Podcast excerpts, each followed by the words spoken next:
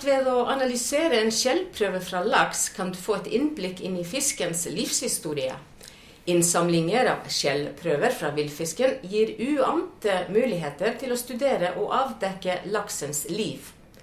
Veterinærinstituttets seksjon for miljø- og smittetiltak leder uh, opphavskontrollen på oppdrag fra Miljødirektoratet, som bl.a. består av å analysere skjellmønster, slik at man kan avdekke rømt oppdrettslaks, som er vurdert som den mest alvorlige oppdrettsrelaterte trusselen for villaks, fordi gyting mellom vill- og oppdrettslaks forringer lokalt tilpasset genetikk. Gjesten vår denne gangen er Bjørn Florø Larsen, forsker ved Veterinærinstituttets seksjon for miljø- og smittetiltak i Trondheim.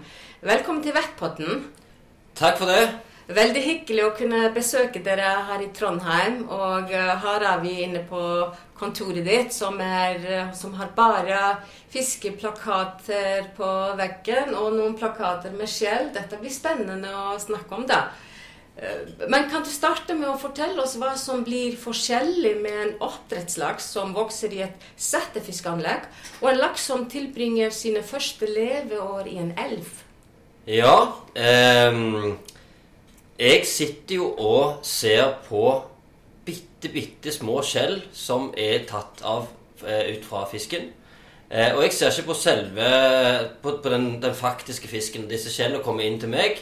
Og når jeg ser på dette lille skjellet, så har de eh, noe som heter skleritter. Det er ringer på skjellet som eh, Hvis du ikke har sett det før, så kan det kanskje sammenlignes med årringene på en trestamme som dannes eh, gjennom hele livet til fisken. Eh, disse ringene de dannes eh, i en, en, avstand mellom hverandre som gjenspeiler den faktiske veksten fisken har hatt. Og det er jo det som vil gjøre en stor forskjell på en, en oppdrettslaks som vokser i et eh, miljø hvor han har en eh, jevne forhold, eh, der fokuset er Eh, rask vekst og en jevn vekst, og den får fòrtilgang eh, til faste tidspunkt. Da vil du få disse ringene i en helt jevnt tempo. For en vill fisk så vil du ikke ha denne muligheten, for der er det eh, ingen fòrautomat.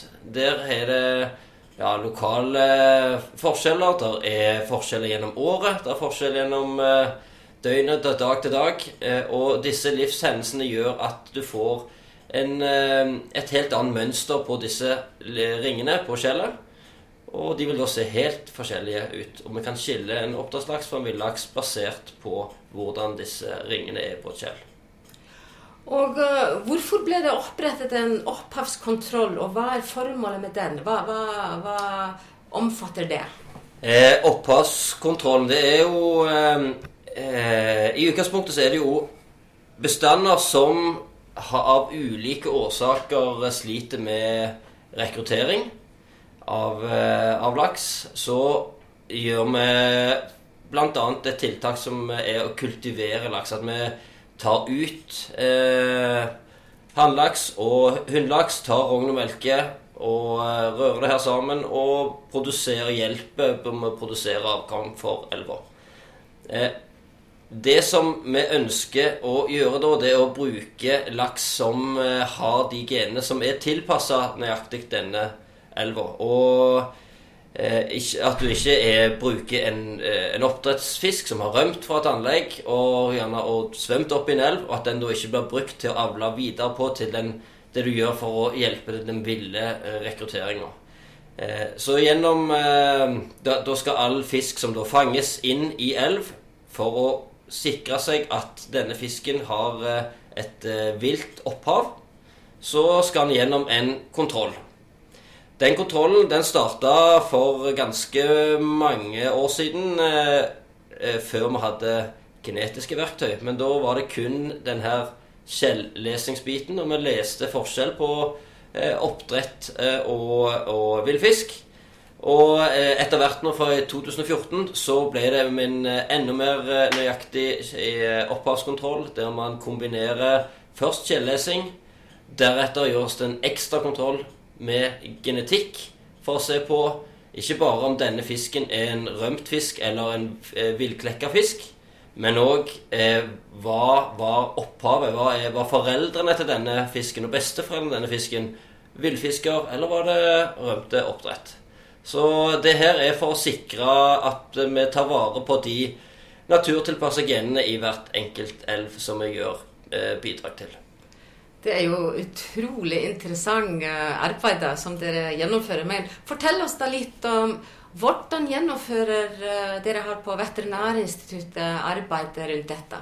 Eh, det foregår slik at eh, her er jo elver fra ja, nesten hele kysten i Norge som, som eh, av ulike årsaker må hjelpe til elvene sine. Så da er det eh, fiskere som lokale fiskere i eh, lokalforvaltning i f.eks. Det kan være Glomma på Østlandet og rundt på Dalelva på Vestlandet og eller Møreelver, Trøndelagselver, Nordland. Rundt her så fisker de lokal fisk. De tar opp fisken forsiktig, napper ut noen skjell. Eh, og oppbevarer da denne fisken og, og får, gir han et eh, nummer, en ID, slik at de har kontroll på eh, at denne fisken kan kobles sammen til den skjellprøven som sendes inn. Skjellprøven den sendes eh, med hurtigpakke til oss her i Trondheim. Når vi mottar den, da har vi et eget apparat der som sitter hele høsten. Eh, og mottar prøve, legger den eh, rett inn i en database som er spesialtilpassa disse fiskene. Der legger vi inn all informasjon om fisken. Vi tar ut skjellet inn i digitale stereolooper og tar bilde av skjellene. Lagrer skjellene inn i databasen. Um, og så gjør jeg en analyse på om dette her er en vill eller en oppdrett uh, laks. Og hvis det er da en oppdrettslaks, så får fiskerne lokalt beskjed om direkte dette er en eh, rømt oppdrett, den må dere ikke bruke. Hvis det er en vill fisk, og han har et vilt vekstmønster, så eh, gir jeg beskjed denne fisken er foreløpig godkjent, men vi må avvente genetisk opphav, eh, opphavskontroll i tillegg. Så kan det blir en dobbeltkontroll. Og så da kjører vi, har vi en egen liten elbil, en Shell-mobil, som vi bare suser ned til Nina daglig. Og Kan du forklare hvem Nina er? Ja, det kan, Nina det er, det er ikke ei eh, venninne eller eh, kollega. Nei, det er Norsk eh, institutt for naturforskning, som er mer populært kalt forkortningen NINA. Det er en samarbeidspartner for, som vi jobber veldig mye sammen med, på, som også er lokalisert like i nærheten av oss her i Trondheim. De har da en, eh, en genlab som er da eksperter da på å gjøre genetiske analyser på bl.a. laksekjell. Så da svarer de, når vi kjører denne prøven ned, så har de et apparat som står klar fortløpende.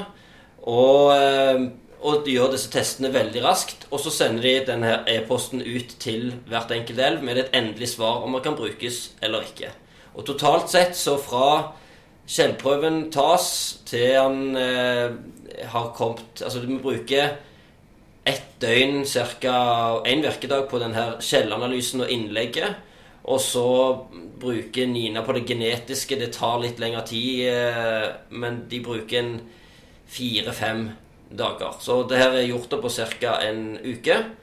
Og da vil du få et svar om du kan bruke denne fisken eller ei. Så det er et veldig fortløpende arbeid. Det er rundt 2000 fisk vi gjør det på hver høst. Mm -hmm. eh, så det er omfattende, men eh, givende og kjekt arbeid og mye flinke folk.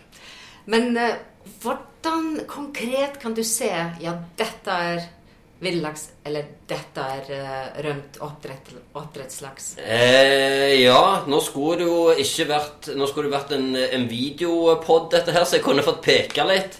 Eh, det som er, det er den eh, Det som skiller det veldig. Det er det er noe som heter vintersoner. Det blir, det blir, eh, disse strekene vi snakker om som danner sirkler gjennom skjellet, der er det når det blir eh, kaldt på vinteren og det blir eh, mindre mattilgang og mindre vekst, så blir disse ringene veldig tette.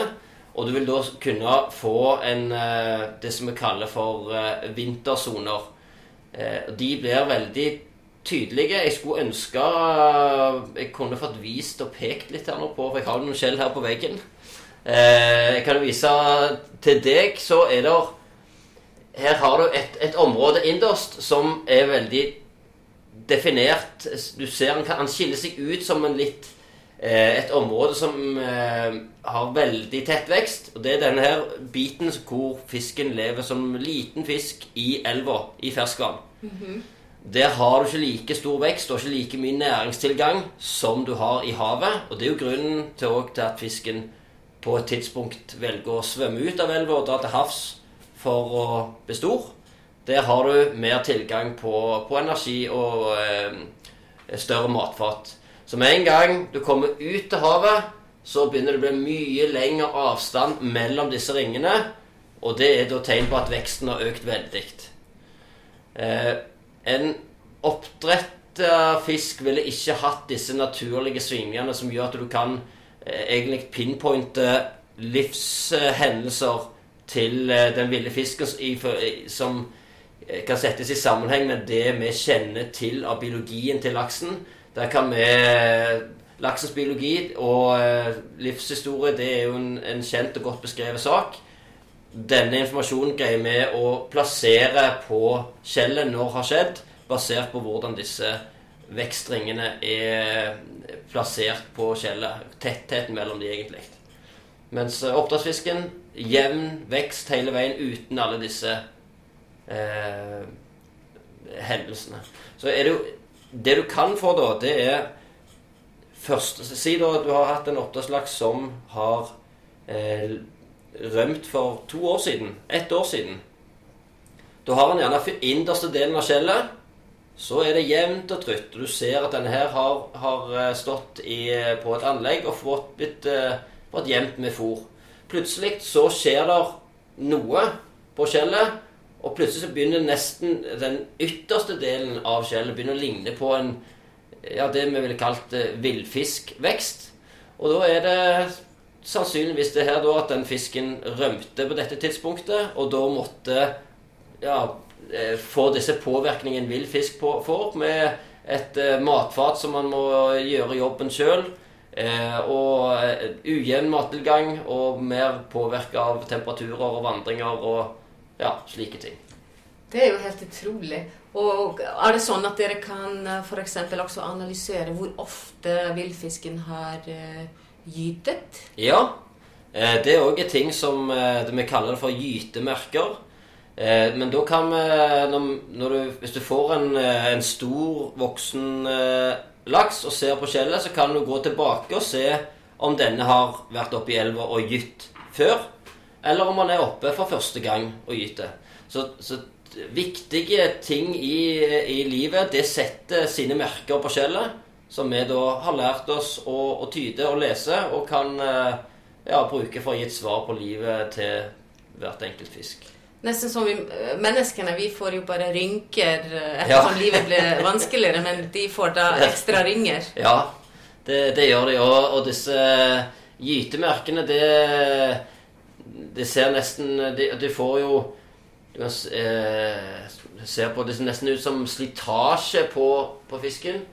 Fiskens Og For det er, en, en påkjenning, eh, det å eh, gå oppe på, på gytegrunnene. Eh, bruke masse av energien sin inn i gonadene. Eh, slåss gjerne på gytegrunn med andre store hanner om eh, å finne den beste, beste dama på grunna. Så, så her, er det, her er det ting som Hele datinghistorien til fisken? Ja. det kan du nesten si.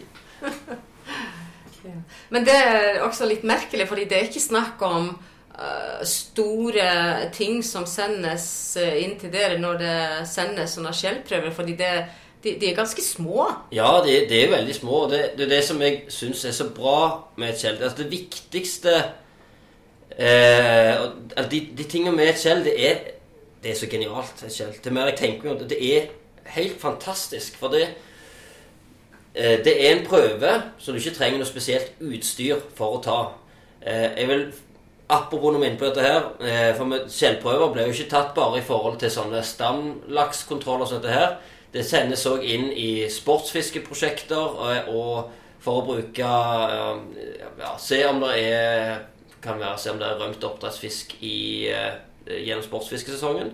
Andelen på det, det er det prosjekter som eh, vi jobber sammen med Havforskningsinstituttet og eh, på vegne av Fiskeridirektoratet med nasjonale overvåkingsprogram.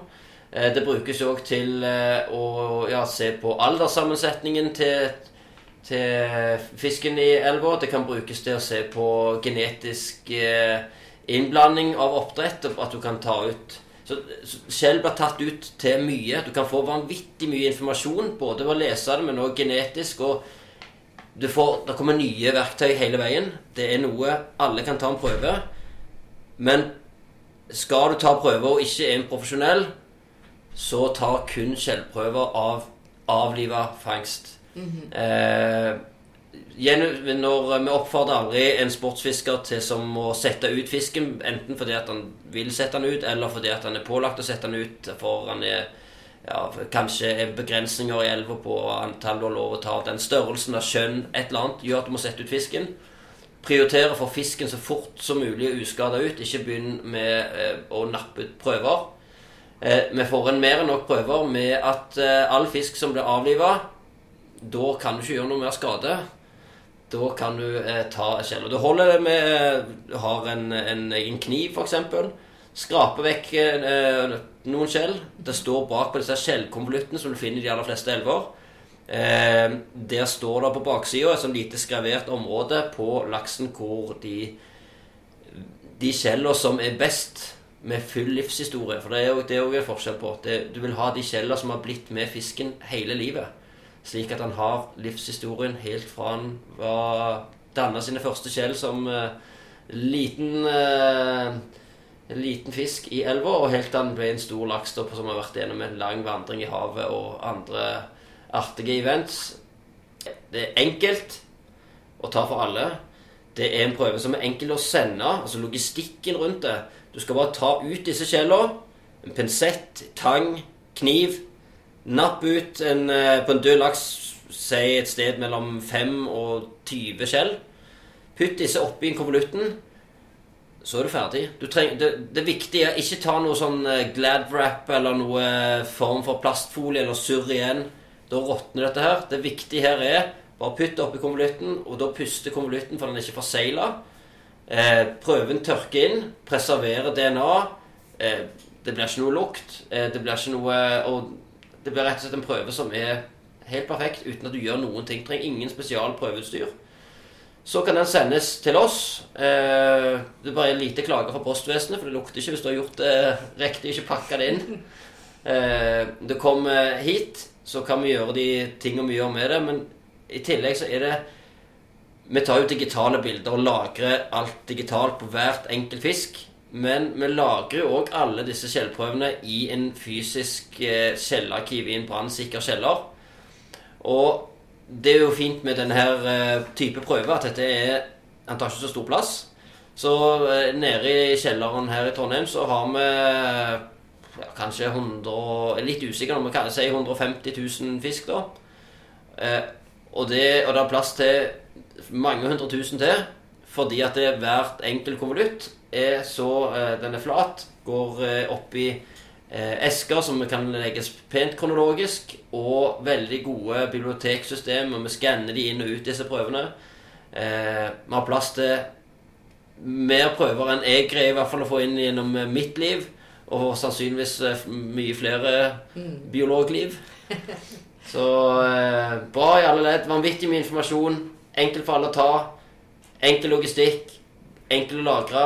Og når vi først har lagra en prøve Ukentlig nesten så får jeg telefoner av f.eks. Nina som sier ja, har dere eh, noen prøver fra midten av eh, 90-tallet på den og den elva? Ja, for nå har vi eh, et nytt prosjekt, og de har fått gjerne nye verktøy som vi ikke hadde på den tida. De prøvene fra 90-tallet like gode i dag så lenge de lagres slik som dette. Så når du tar et skjell nå, selv om vi ikke trenger det akkurat nå I framtida så vet vi ikke. dette. Det kan sannsynligvis bli masse nye, uh, nye, verktøy som kommer, som gjør at vi kan finne enda mer ut av skjell. Uh, og det som jeg uh, alltid sier, det er for hvert enkelt år av et innsig med, med laks til en elv Det er unikt Den kombinasjonen av fisk som kommer det året, den får vi aldri igjen. Det er dette året. Hvis vi ikke har tatt en, et utvalg skjellprøver fra det innsiget på det året i, i en elv, så er det innsiget borte for alltid om hvordan sammensetningen på genetikk, alder, eh, antall størrelser Ja. Det er borte. Så vi må Det å samle inn, selv om det ikke er nødvendig akkurat nå, så er det så enkelt å lagre. Og eh, det er så mye prosjekter eh, som har blitt eh, veldig glad for det som er gjort tidligere. Eh, og så, ja, kan brukes til nye verktøy og nye typer prosjekter. Du var litt inne på det tidligere, men hvem eh, jobber dere mest sammen med i forhold til dette? Eh, ja, det er jo veldig mye av eh, arbeidet vårt er jo på vegne av Miljødirektoratet. Også som faglige samarbeidspartnere så er det jo mye Nina. Vi jobber veldig tett eh, sammen med de. Eh, I tillegg så er det jo alt med alt vi samler inn av eh, datamaterialer på, på Shell gjennom et år. Det deler vi òg inn i en ekspertgruppe med alle de store instituttene på Shell i Norge, som har noen representanter hver, inn til et overvåkingsprogram som er koordinert og ledet av Havforskningsinstituttet. Ehm, så på Shell så er det egentlig et, et veldig godt samarbeid på tvers eh, av landet fra, flere. Du har eh, Norse, du har eh, eh, rådgivende biologer og Havforskningsinstituttet, Nina, du har oss. Eh, det er andre litt mindre leverandører òg som Sammen så, så lager vi programmer og prosjekt. Og jeg syns eh, det er ja, det, det er veldig fint at Kjell er, er Det var brukt av så mange som det grunnleggende til så mange typer prosjekter. Var, det var jo for eh, noen uker siden så var det uh, Villakskonferansen her i Trondheim. Det var artig å høre på. Nest, altså, folk hadde jo foredrag om uh, uant bredde innen uh, lakseforskning, da. Men nesten alle disse prosjektene gikk litt tilbake til at skjellprøve var et av grunnlagene til at de hadde fått greid å finne ut det de hadde gjort. da. Så, så skjell, det er det viktigste Når du ser på alle faktorer, så er skjell det viktigste man kan ta nappe ut fra en fisk. Nettopp. Men, eh, men eh, hvorfor kan avkom av rømtlaks som har vokst opp i elv, ikke avsløres ved skjellavlesning? Eh, ja, for det er jo eh, Det er jo litt forskjell. For den, en, han er jo ikke en, en, en laks som har vokst opp i elv. Den er jo ikke rømt. Men han kan ha opphav fra rømt Ja. fisk. Så da har sier du f.eks. har én eh, oppdrettslaks som kommer opp på høsten i en elv og får gyte sammen med villfisk. Eventuelt en oppdrettslaks som kommer opp og finner en annen oppdrettslaks òg, at det kommer et flak fra en rømning opp og gyter sammen i elva. Det blir en vellykka gyting. Eh, det, disse fiskene klekkes da neste vår. Disse fiskene vil jo være ville fisk. De vokser jo opp med alle disse ville vilkårene som eh, eh, Ja, som en vanlig eh, villaks. Men opphavet har ikke den lokale tilpasningen som eh, man ønsker. Og, og det er jo der, det er derfor det er viktig med en, en dobbeltkontroll. For eh, disse fiskene som da har eh, foreldre, én eller to foreldre f.eks., eh, som er rømte oppdrettslaks, de vil sjøl se ut på veksten på skjellet som en vill fisk, og de vil leve livet som en vill fisk. Men det genetiske opphavet det avsløres da i den neste testen. Så Derfor så, så gjør vi det først. Plukke ut alle fisk som ser ville ut på skjell. Og da dit går ned til en videre kontroll, som da kontrolleres hvordan ser eh, slektstavla ut til denne fisken som hadde en vill vekst. Akkurat. Så da samla så, så eh, ja, ble det en god kontroll. Ja. Ja. Men hva gjør dere med materialet som eh, dere samler inn? Eh, ja, jeg har jo vært litt inne på det, men eh, absolutt alle skjell som kommer inn, de lagres digitalt. Det tas bilder av dem. All informasjon lagres i kronologisk system på en dedikert database på VE som eh, har faglig eh, ansvar for eh, på vegne av Miljødirektoratet. I tillegg så legges disse her da i den fysiske skjellkonvolutten i den brannkjelleren for fremtida, når det trengs, da. Så, så, det er vel det vi gjør videre med de. Ja, og så blir det jo eventuelt gjør vi med resultatene? Resultatene ble jo hvert år brukt inn til det nasjonale overvåkningsprogrammet, selv om eh, det har vært gjort innsamlinger kanskje med andre hensyn. Det er innsamlinger av stamlaks, f.eks. Der er poenget med innsamlingen er å sjekke om det her er vill eller oppdrett eh, som kan brukes i kultivering. Eh, men når du først har gjort innsamlingen, så kan vi òg bruke disse resultatene til internasjonale overvåkingsprogrammet. Så sånn fungerer det heldigvis. at Når vi først tar en prøve, så prøver vi å få brukt det til så mye eh, hen, eh, Så mange hensikter eh, og mål som mulig som vi kan få brukt det til. Og det, det er jeg jo veldig fan av. Eh, og, og deler òg eh, med andre institutter som òg gjerne har eh, spesifikke forskningsarbeid som det kan være med en del av. Og det har jeg vært heldig for å ha vært med på mye spennende som er langt utafor det jeg vanligvis driver med, både på ja, Blant annet på genetikk, da. Men eh, de avhenger da av disse skjellene i bånn for å kunne gjøre alt det fantastiske de finner ut med moderne verktøy. Veldig spennende å høre om dette. Bjørn Floro Larsen, tusen takk for uh, samtalen. Dette er utrolig gøy å høre om, og lykke til med arbeidet videre. Takk eh, for at jeg fikk komme, og så oppfordrer dere alle til Får dere en uh, laks på sluken eller makken i, uh, i sommer, og dere avliver den, ta en skjellprøve. Veldig bra. Takk skal du ha. Du kan høre mer om dette temaet på våre nettsider eh, vettins.no. Husk å følge oss på Facebook. Ny episode i Vettpodden kommer snart.